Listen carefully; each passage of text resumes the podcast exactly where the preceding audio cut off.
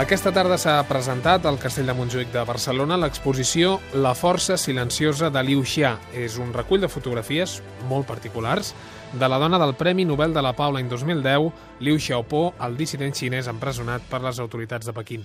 Unes mm, fotografies, no cal dir-ho, que estan prohibides a la Xina.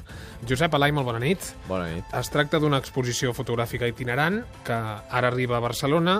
Jo no l'he vista, però pel que m'han explicat doncs, eh, seria una, una metàfora no?, de la situació política a la Xina. Sí, exactament. De, és una metàfora de la situació política actual a la Xina i també és una metàfora universal, és a dir, de, que reflecteix aquells llocs del món on no hi ha llibertat o on al llarg de la història no hi ha hagut llibertat. Per això jo crec que també és molt encertat diguéssim, l'escenari en què s'ha col·locat a Barcelona aquesta exposició, que és precisament el castell de Montjuïc, un espai tradicional de repressió de Barcelona i de Catalunya.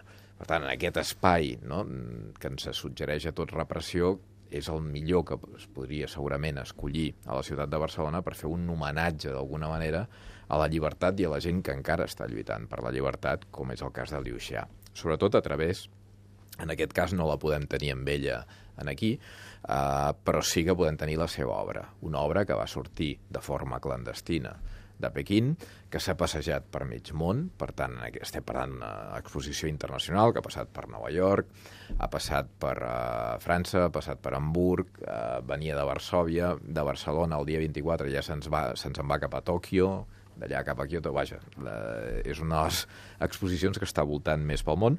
A més a més, són fotografies originals, és a dir, són les fotografies que va revelar ella mateixa mm -hmm. entre els anys 96 i 99 a casa seva, perquè com a artista que és, com a fotògrafa que és, doncs eh, ella sempre ha preferit eh, revelar les seves prof- pròpies fotografies, que són en blanc i negre, per cert.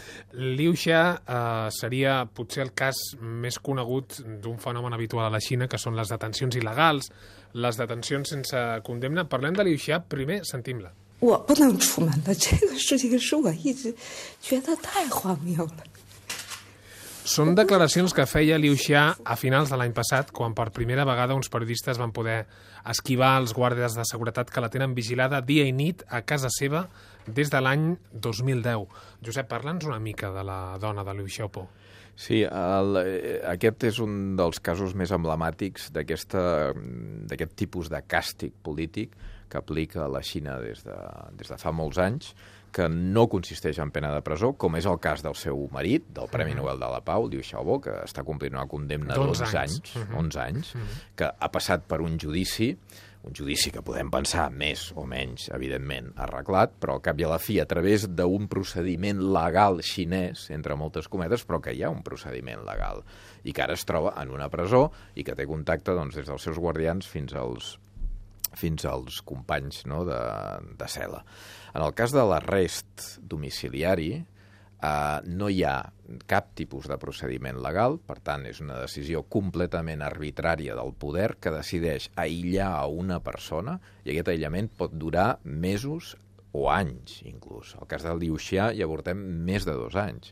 No se l'acusa de res. No ha comès cap delicte, d'acord amb la llei xinesa, però no es pot moure d'una escala de veïns que està ocupada tota per famílies de policia perquè vull recordar que se la va transferir de la seva pròpia casa a una habitació que està dins d'un bloc de pisos que seria un quarter de policia. Per tant, la tenen absolutament controlada, no pot sortir d'allà i només permeten que un cop al mes la vagi a veure la seva mare. Mm. Clar, això crea finalment una situació emocional, psicològica, molt dura, duríssima per a aquesta gent, perquè no tenen cap tipus de defensa legal i estan absolutament en mans del poder i provoca fins i tot problemes psicològics greus per a les persones que pateixen aquesta mm. situació. N'hi ha més d'exemples. Alguns n'hem parlat, oi, altres vegades? Sí, a banda doncs, d'ella, de, d'aquesta gran artista xinesa, ho vull recordar, és a dir, recordem que aquesta és una exposició eh, no contra la Xina, sinó en favor de la Xina. És a dir, reconeixem, en certa manera, una gran artista xinesa que en aquests moments li és impossible exposar en el seu propi país.